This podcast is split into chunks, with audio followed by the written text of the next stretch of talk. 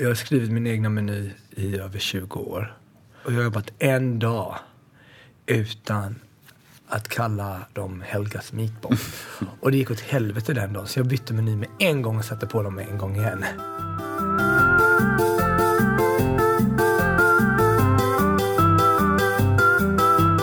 Hej och välkommen till en ny podd. Idag med ingen mindre än Marcus Samuelsson.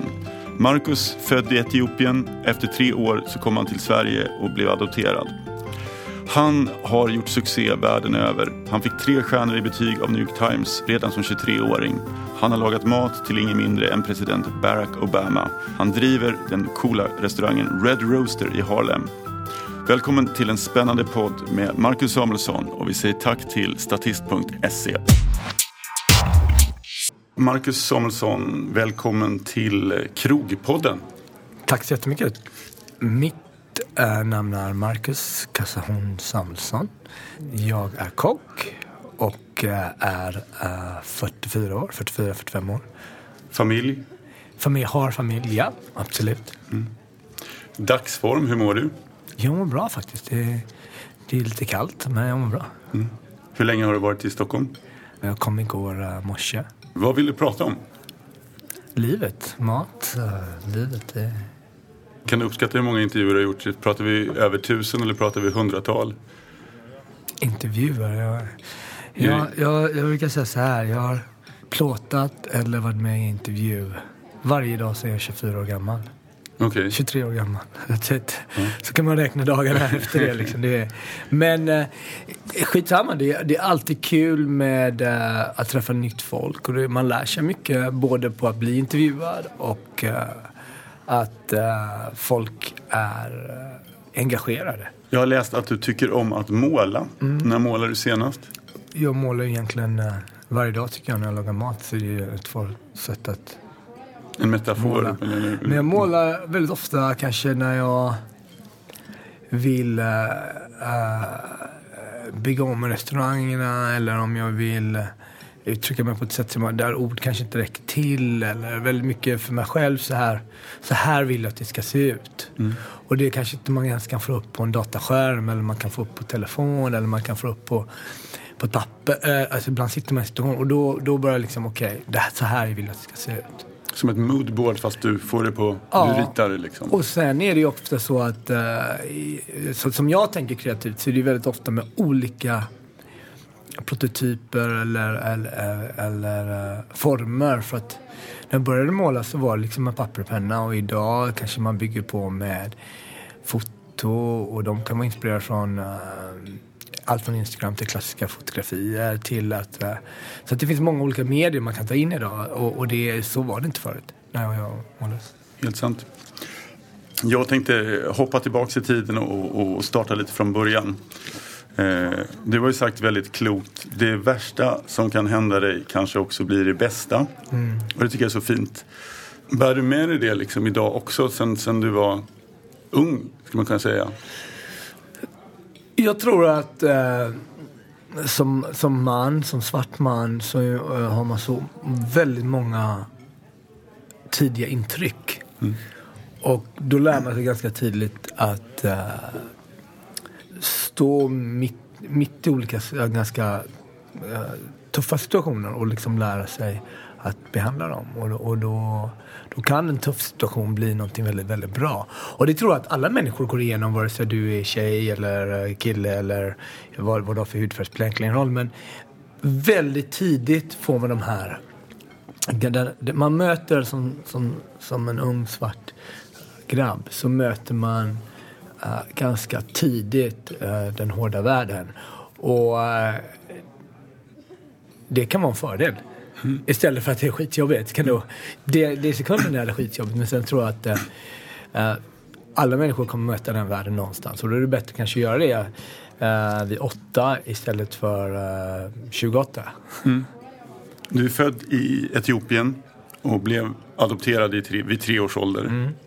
Du fick en familj, Lennart, pappa Lennart, du fick mm. systrar. Jag tänkte prata lite om uppväxten. Mm. Du måste ha fått en väldigt väldigt kärleksfull uppväxt. Eh, det känns som att du har varit väldigt trygg. Liksom, och det har gått... Ja, vårat, alltså, i, i Sävedalen har jag växt upp med Linda, Anna, min mamma och pappa var väldigt, väldigt tryggt. Mm. Och uh, så hade vi våra mormor och morfar. Så det var ett, en 80-talsidyll kan man väl säga på något sätt. Men med väldigt uh, tuffa situationer som hände också. Men ingenting som inte liksom, man kunde fixa där. Liksom, utan det, det, det kändes... Uh, det var vår uppväxttid uh, med alla roliga och, och, och, konstiga situationer som man kan mm. ja, tänka sig. Men det var... Uh, Göteborg också uh, har gjort en otrolig resa samtidigt som vi växte upp. Alltså gick från den här väldigt starka arbetarstan med varvet, med Volvo och med SKF liksom som grunden i stan till att kanske också gjort sin resa till att bli mycket mer så modernare, IT, kommunikationsstad.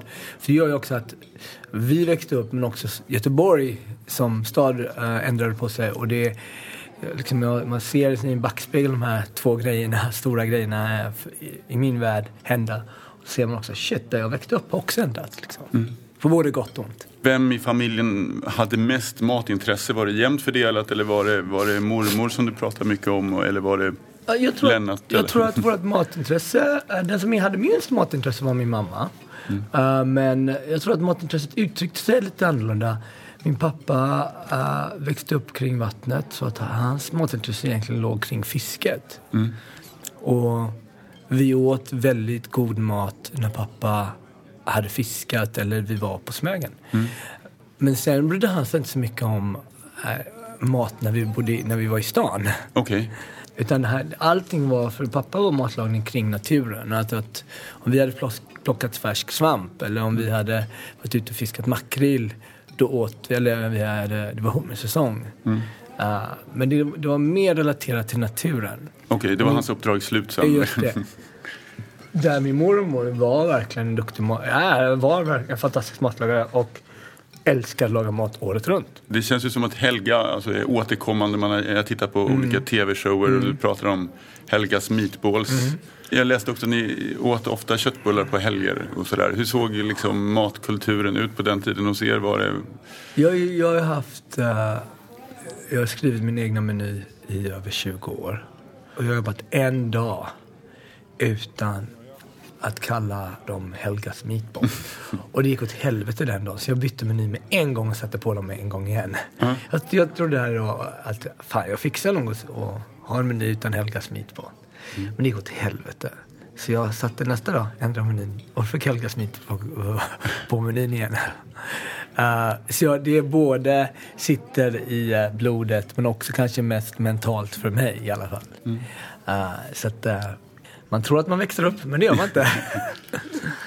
Vilken ålder skulle du gissa att du var i när du liksom kände att jag kommer nog pyssla med mat? Uh, jag tror jag var 17-18. Uh, när jag fick chans att åka till Schweiz.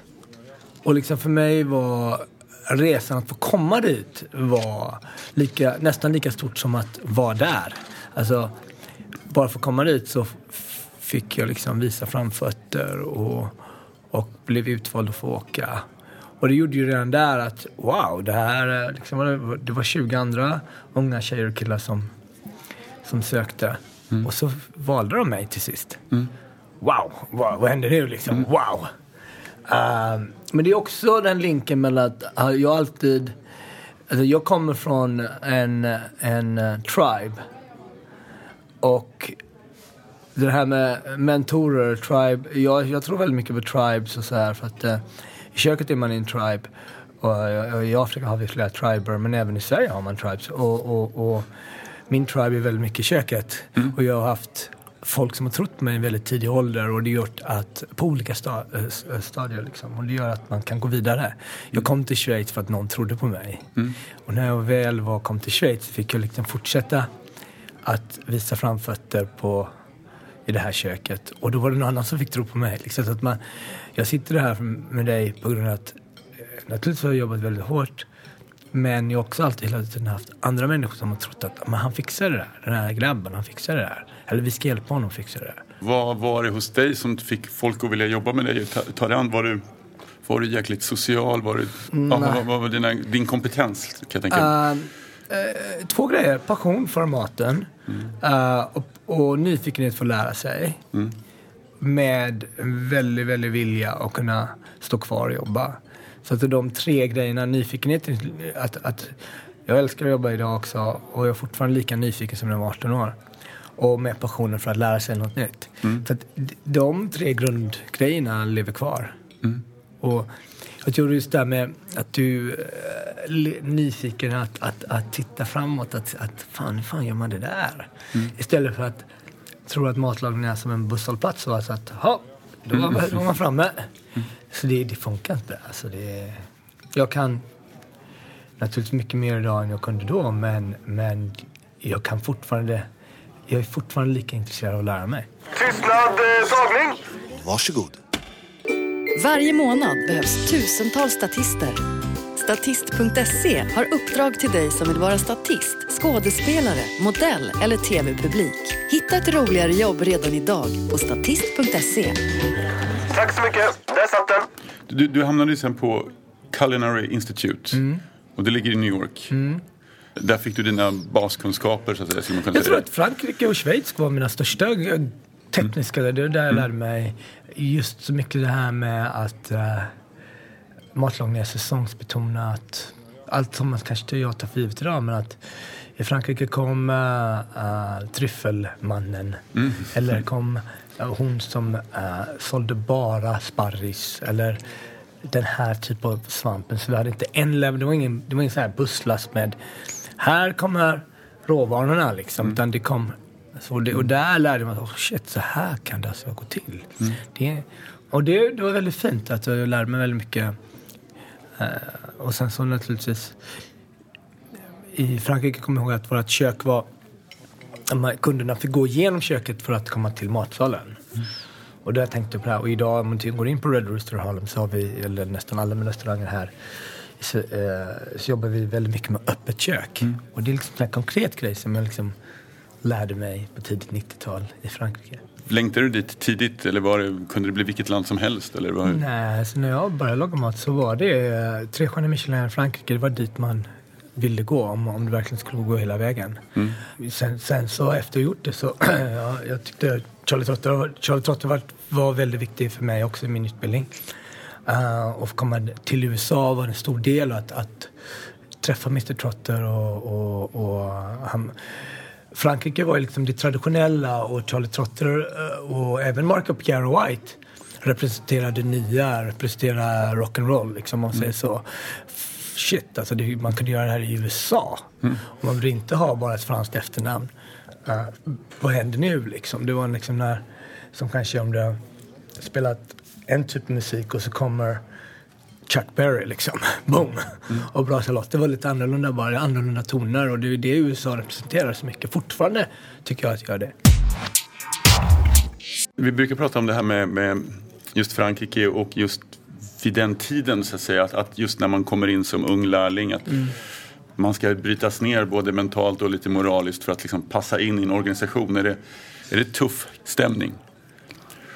Alltså det här med tufft det är ju helt enkelt att göra med vilken form av vem du är och var du kommer ifrån. Så att det ordet tufft kan ju liksom, det är helt baserat på din, din erfarenhet liksom. Vad ett kök handlar så mycket om att det finns en ledare som vill kommunicera, vill göra någonting så, och tro på någonting så otroligt, otroligt, otroligt mycket och ska få med sig resten av gänget att utveckla det. Och då har man olika kommunikationssätt till att eh, få med sig det här gänget. Det är tufft.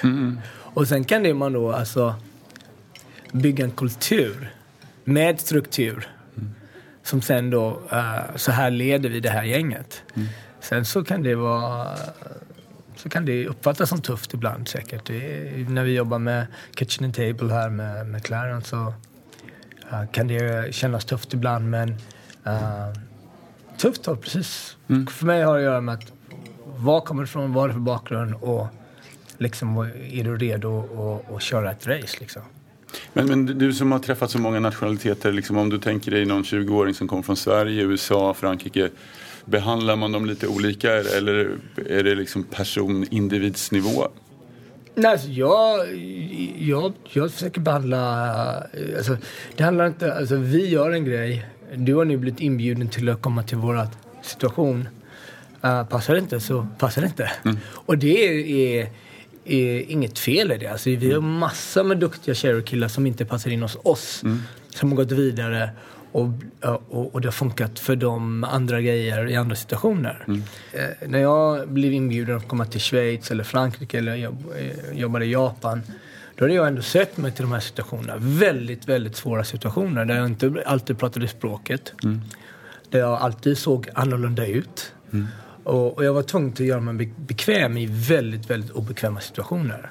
Det var tufft. Men äh, ämbetet var inte tufft. Ämbetet var skitintressant. Och lyxen att kunna få stå bredvid en människa som du inte ens pratar samma språk med. Mm. Men att du ska lära och du ska gå igenom någonting på, och det tar dig 14 timmar. Och sen gör du det. Vilken grej. Mm. Vilken grej. Så då tror jag att kvittot du får mot vad det du måste erbjuda det tycker jag det är alltid helt fantastiskt att kunna få göra en grej tillsammans. Sen måste det ju lite tuffa ord som kommer däremellan, men vad fan då, det är that's life liksom. Jag har hört att man liksom går och lägger allt ifrån folie på, på maten som man inte ser och man kan gå till liksom ugnen och höja, sänka höja temperaturen. Liksom. Det, alltså, maten var det aldrig någon som... Eh, där den var liksom helig i det sättet. Eh, men eh, sen så var, gjorde man ju dumma grejer mot varandra hela tiden. Alltså, det, när vi hade frukost tillsammans så kanske man la i ehm, gamla fiskögon i någon sorts apelsinjuice eller... Uh, ja. Alltså, vi hade mycket kul tillsammans som låter uh, helt sjukt. Men att vi förstörde aldrig för varandra när det gällde om maten i alla fall. Nej. Nu är vi 94 ungefär va? Mm. Är, är, kan det stämma sen efter din tid då i, i, Är det någonting mellan där? Frankrike, Schweiz och sen akvavit? Händer det mycket grejer där? Eller ja, det, alltså, det är ju livet. Är, man växer upp, eh, man lär sig grejer. Uh, och uh, man gör mycket misstag. Men det är kul att... Uh, jag vill ju komma till USA och komma till USA var fantastiskt. Men, men, skulle man kunna säga akvavit, var det liksom nummer ett i USA då? Liksom, var det en av... Liksom... Nej, det var en...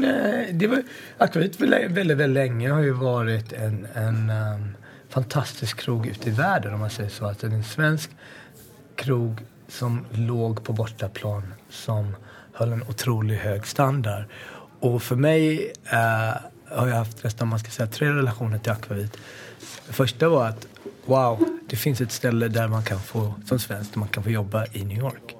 Sen att vara både delägare och köksmästare och med drivit den restaurangen i nästan eh, uh, 15 år var en helt annan relation. Det var fantastiskt.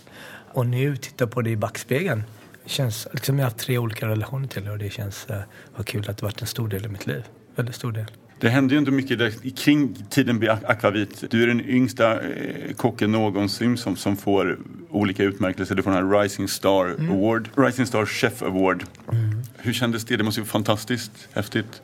Jo, alltså få vara den yngsta äh, chefen och få tre stjärnor och att vinna Rising Star. Det var fantastiskt. Det var verkligen att kunna få ett, ett kvitto utifrån att man går åt rätt håll.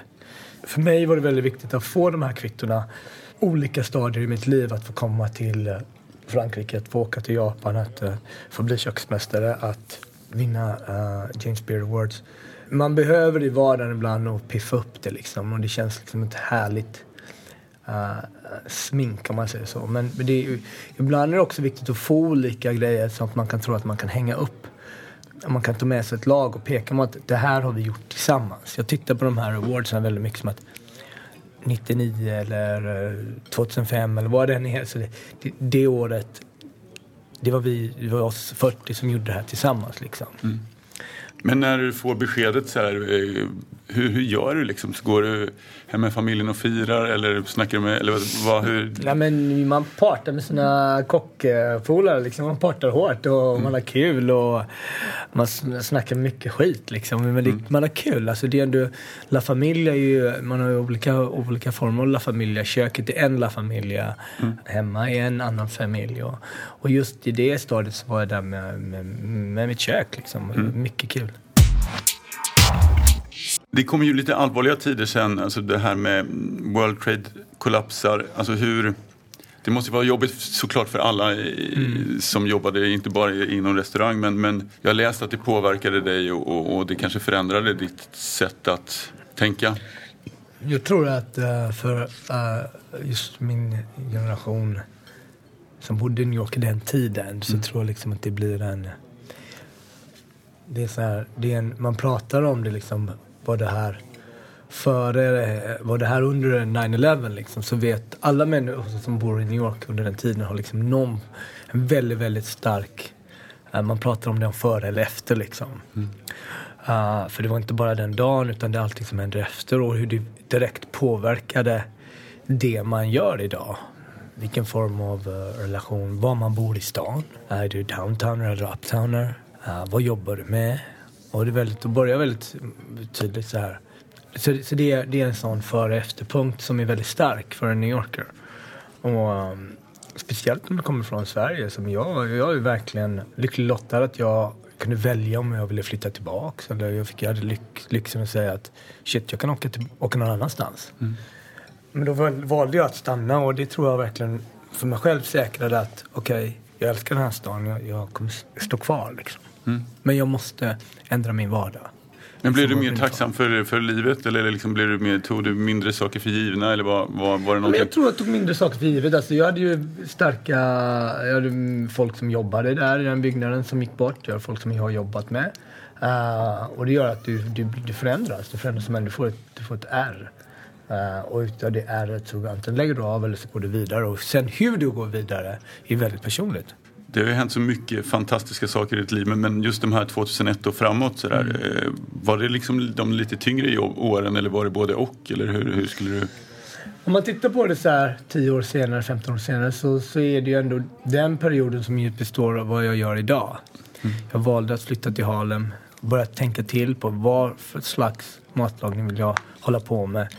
Uh, jag tänker väldigt mycket på att laga mer en demokratisk mat. Att, äh, så att du behöver inte vara mega rik för att komma till våra restauranger idag. är det väldigt demokratiskt. Så att medelpersonen kan komma till våra restauranger. Den inställningen ändrades efter 11 september. Och vad, hur jag uttrycker mig, att bo i Harlem, jobba i Harlem, men uttrycka mig på ett helt annat sätt. Det hade nog inte hänt om inte... Uh, det, det var liksom min post 11 september den här eh, Mercato 55 som mm. du körde igång och, och som låg på Meatpacking District. Skulle man säga, Meatpacking District, för, för de som lyssnar här, är det Östermalms... Är det, det är, det är den snyggaste gatan i stan liksom? Eller, eller, eller en... ja, meatpacking är precis, var precis som, som, det, som det låter. Meatpacking, det är verkligen där köpte, man köpte kött från och det var ganska busigt område med allt från liksom, det fanns mycket droger, mycket klubbar. Uh, men idag... Uh, är det mer Södermalm liksom? Nej, men idag finns liksom Whitney Museum och det är en härlig gågata och det har byggts om väldigt, väldigt mycket. Så man, det är nog att ens tänka på det som meatpacking idag, det finns ingen meat där, eller mm. ingen packing överhuvudtaget. Men då, då var det uh, verkligen ett, uh, såg helt upp annorlunda ut. Mm. Jag var inne och tittade på, på bilder från interiören på, på, på restaurangen och det såg ju jäkligt häftigt ut. Alltså, mm. Man blir ju otroligt sugen på att åka dit. Mm. Jag kollade också på recensioner på, på, och folk verkar liksom tycka Alltså jag förstår, det, det var ju tufft som, som du har beskrivit eftersom som du la ner restaurangen men, men, men det verkar ändå som, som det... Vad, vad, vad var det som gjorde att du inte kunde driva det vidare? För det, det kändes som att var... Jo, men jag, jag kunde driva vidare men det var ett val som jag inte kunde göra med just de människorna. Okej. Okay. Så att uh, vi ja, väldigt framgångsrik restaurang men uh, jag kunde inte... Så det, är en lång, det är en lång process och mm. många val men jag kunde inte driva igenom det med dem. Okej. Okay. Jag förstår. Men, men, men, man kan säga att det var en, den var väldigt... Afrikansk matlagning mm. var liksom inspirationen. Mm. Så mycket av vår mat är inspirerad från Afrika. Mm. Mercato är ett, ett magiskt ställe i Addis. Och, uh, när jag tänker på Mercato så tänker jag på det, det härliga det köpcentret i Addis där liksom man säljer mat på samma sätt som man gjorde för tusen år sedan. Att, kunna, att det finns en sån ort fortfarande kvar i världen och jag tycker det är helt magiskt. Helt mm. magiskt. Mm. Det, fin, alltså det är det som händer på sådana ställen som Marrakesh eller Addis eller uh, där, där tiden nästan någonstans har stått still. Mm. Men det finns väldigt mycket magi i det. 2009, eh, stort år för dig såklart, när du fick laga mat åt ingen mindre än självaste presidenten Barack Obama. Kommer du ihåg hur du fick beskedet eller förfrågan? Ja, först fick jag en förfrågan kanske för fyra, fem månader innan det. Och då trodde jag var så här, ja men det är någon, de kanske bara skämtar och så här. Hur går det till? Är det, vem, är det, vem är det som... Det är ganska många människor som, um, ja, får en statsmiddag förfrågan. Uh, det var många människor som um, fick, man fick skicka in ett, ett receptförslag. Och det gjorde jag. Och sen så var det flera människor som kom upp till och, och vi fick laga maten och de testade. Och sen eh, med temat eh, att det var, skulle vara en indisk undertonad mat från en indisk, det var en statsmiddag för den indiska premiärministern. Och sen efter det, några månader senare, så gjorde jag en middag till och sen så blev jag tillfrågad. Mm. Kommer du ihåg vad det var, vad lagade för någon testmiddag? Vad, vad blev det? Uh, jag, jag åkte till Queens faktiskt och köpte råvarorna. Uh, för där fanns det mest, uh, det mest indiska. Det är det, den stadsdelen New York där de mest indiska lärare, både från Indien, Pakistan och Bangladesh. Där fanns det maten. Så jag åkte ut dit och så lagade jag en mat som var inte helt vegetarisk men ganska mycket åt det vegetariska hållet. Hur tänker du när du gör det? Är det sådär att du är ganska relaxed eller är det så att du blir, liksom, går upp i varv? Och, och, och... Det är en, viktig, en jätteviktig middag. Som man, man, man, men för mig handlar det både om att det måste finnas tid att tänka till.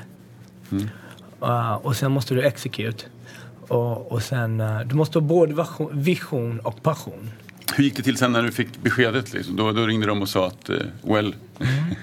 Mm. Och då fick vi samla ganska snabbt samla upp ett gäng som skulle kunna åka till Washington och vara med. Och samtidigt också folk som man har lagat mat med mycket som man också kunde lita på. Så att inte, det här var liksom före Twitter och så här, men att man inte la det på några sociala medier och allt. Att man var tyst helt enkelt. Skulle du säga att det ändå var det största som har hänt i din karriär? Just, eller, eller var det en? Eller hur, hur kände du efteråt? Var det... det största som har hänt i min karriär är att uh, jag får hålla på med det som jag älskar. Som mm. jag lagar mat och jobbar med människor. Och sen uh, får man gå olika, får, har jag fått gå in i många olika rum och få göra det på olika sätt. Mm. Så att jag uh, kan inte hålla ut en specifik sak.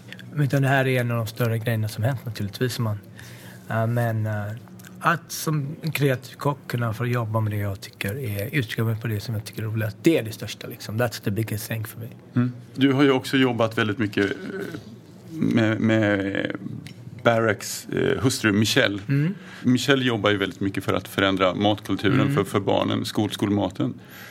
Eh, hur liksom hittade ni det här samarbetet? För, skulle man säga att Michelle, att ni är lite kompisar? Eller liksom? uh, nej, men hon har ju verkligen fokuserat och jobbat med barn och med att förbättra framförallt maten i skolor.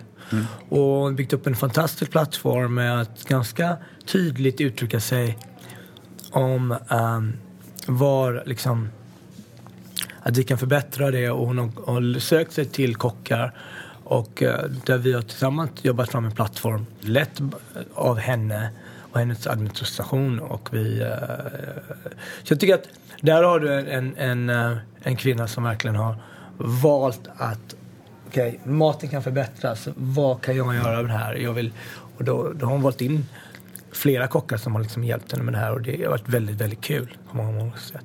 Mm. Vad, vet du vad, hon, vad är hennes favoritmat? Vet du det? Vad tycker hon om att äta? Nej, men hon gillar väldigt mycket att det är lagat äh, liksom lokalt. Att hon har en trädgård som hon har byggt upp mitt i, i, i ja, på trädgården i Vita huset. Där eh, hon jobbar väldigt mycket med att barn får komma dit och lära sig om grönsaker och, och, och så här. Så jag vet att äh, lokalproducerad, närproducerad mat står henne väldigt, väldigt varmt. Tillbaks till Red Roaster. Mm. Eh, beskriv själv stället. En magisk eh, plattform, magisk restaurang där vi... Jag, jag jobbar hela tiden med tre led, alltså olika... En restaurang som ligger i Harlem där personalen kommer från Harlem.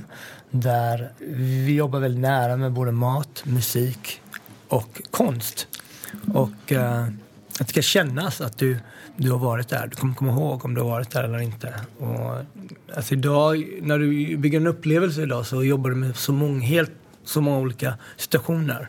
Folk kan komma från stressig vardag Man vill, målet är liksom att man lägger bort mobiltelefonen när man umgås. Mm.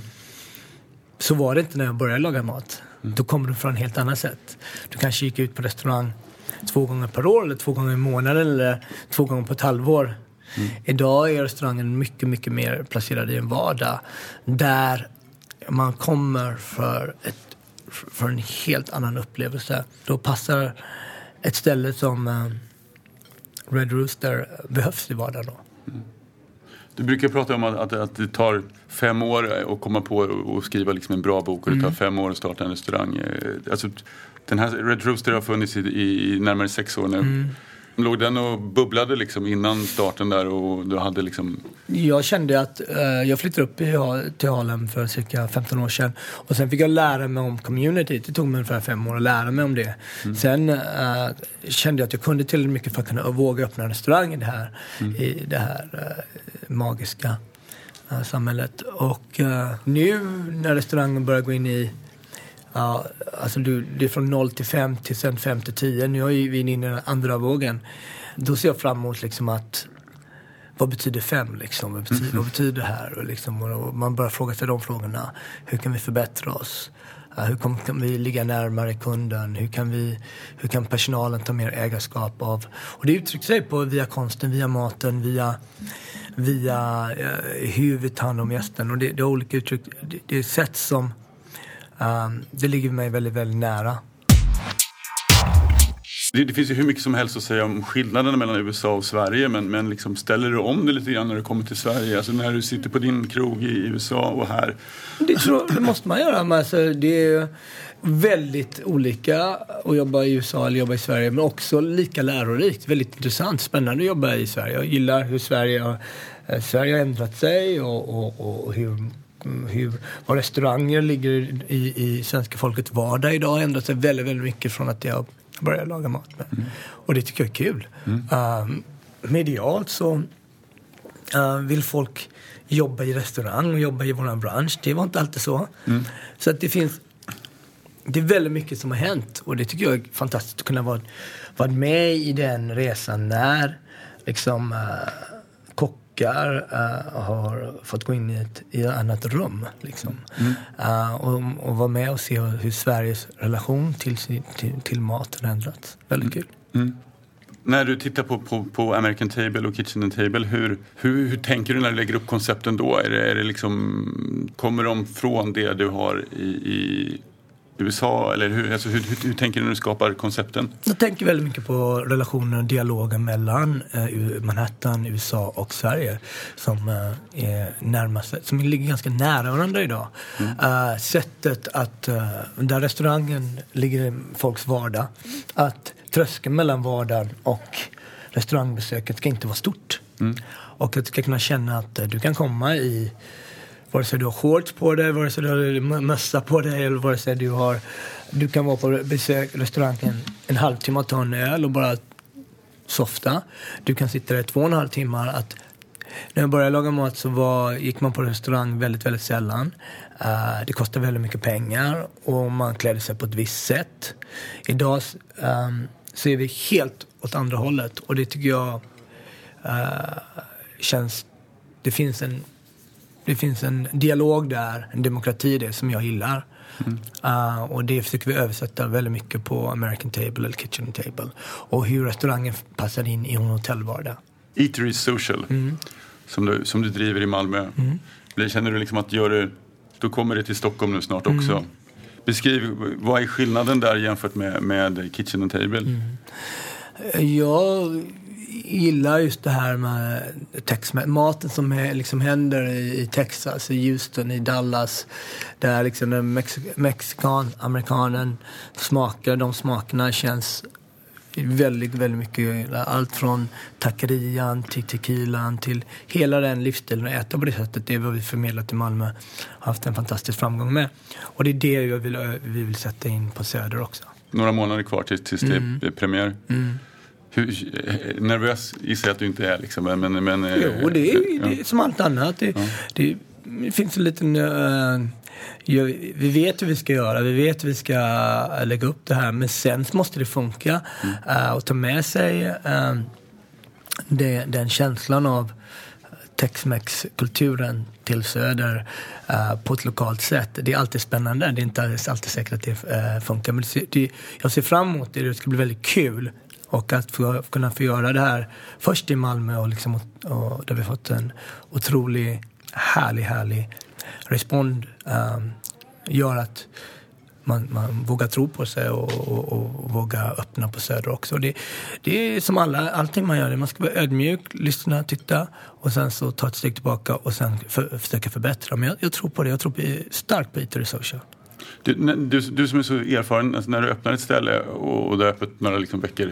Hur liksom, känner du av då såklart? Alltså, försöker du analysera situationen då? Vad har gått bra, vad har gått mindre bra? Det, det är ju alltid den här balansen mellan struktur och kultur. Alltså man, man, strukturen, det har du på ett papper där du kan säga så här ska, dit ska vi gå. Men mm. kulturen, det är någonting som uh, kunden, uh, personalen, vi tillsammans måste jobba fram. Vad, vad, det känslomässiga liksom. Mm. Och det är det som måste skruvas på hela tiden och pumpas in och, och kännas, hitta då att uh, den här magin att, att uh, ett ställe, det, det finns många ställen som på ett papper har fixat hur de ska göra men sen så kanske det brister i kulturen. Mm. Så att det, det är nästan alltid där man måste jobba på den. Och det, det, är lite mer, det är lite svårare för det är inte lika konkret som att hyllorna ska vara där eller det här ska vara där. Liksom. Strukturen kan nästan alla fixa men kulturen är, det är svårt. Du kan ju nästan göra vad du vill känns det som. Men, men är det någonting som du skulle vilja göra fast, fast du känner att ja, men det här får, får vänta liksom? Eller hur, hur tänker du? Nej, jag tror alltid att jag kommer vilja öppna en matskola i, i Etiopien. Det kommer mm. alltid vara sådana här grejer som att kunna få ge tillbaka.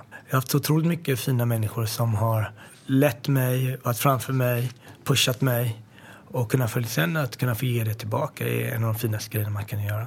Men det ligger lite sådär on hold i, i framtiden någon, någon gång? Måste, alla människor måste ha en, någon liten karamell man får suga på. Och, ja, och när man är förbannad och säger såhär, nej men nu, nu drar jag till min matskola i Etiopien. Ja. Alla människor måste kunna ha någonting som man säger att, fan om det inte passar så drar jag liksom. Mm. det är en magisk äh, växel att kunna, även om man bara gör det mentalt i huvudet liksom man får intrycket i alla fall att du jobbar väldigt mycket. Vad, vad, vad är liksom avkoppling för dig? Liksom, när, när du känner att nu är det mycket, vad, vad, vad gör du då? Jag älskar att spela fotboll. Mm. Blatte United. Mm. Eh...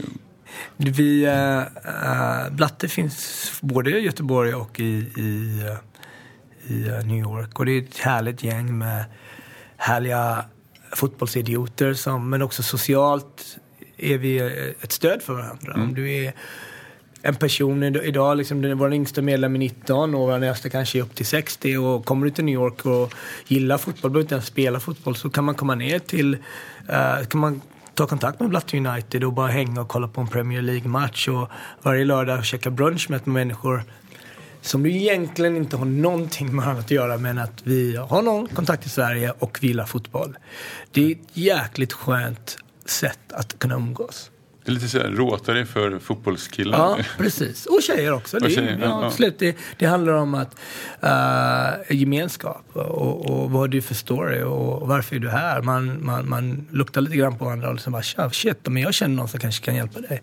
Och idag, 15 år senare, så är det ett nätverk som är väldigt, väldigt starkt. Men det byggs på uh, gemenskap. Men de som lyssnar på det här och blir lite sugna. Eh, man bör såklart vara intresserad av fotboll, det är en förutsättning. Men, men sen kan man kontakta och, och mm. kolla liksom var de träffas nästa gång. Mm. Och bara ta, ta en burgare, snacka lite skit och kolla på match. Ja. Det är ganska lätt sätt att bara umgås. Mm. Fotbollen vet jag är en stor del av ditt liv. Mm. Du har också pratat om musiken, mm. liksom en viktig mm. del. Nej men jag tänker på musiken varje, alltså, det är varje dag. Tänker jag, liksom, ha rytmer och restaurangerna är väldigt mycket byggda kring musik. Det mm. finns en rytm i, i våra restauranger som är väldigt byggd kring musik. Liksom. Jag har en fråga från min eh, tioåriga son Sebastian. Okay. Blir du suktad av all mat som du lagar? Den har jag lovat ställa till dig. Mm. Ja, framförallt mat som jag aldrig ätit innan. Som jag känner att, men fasen hur gör man det där? Eller det där har jag aldrig testat. Mm.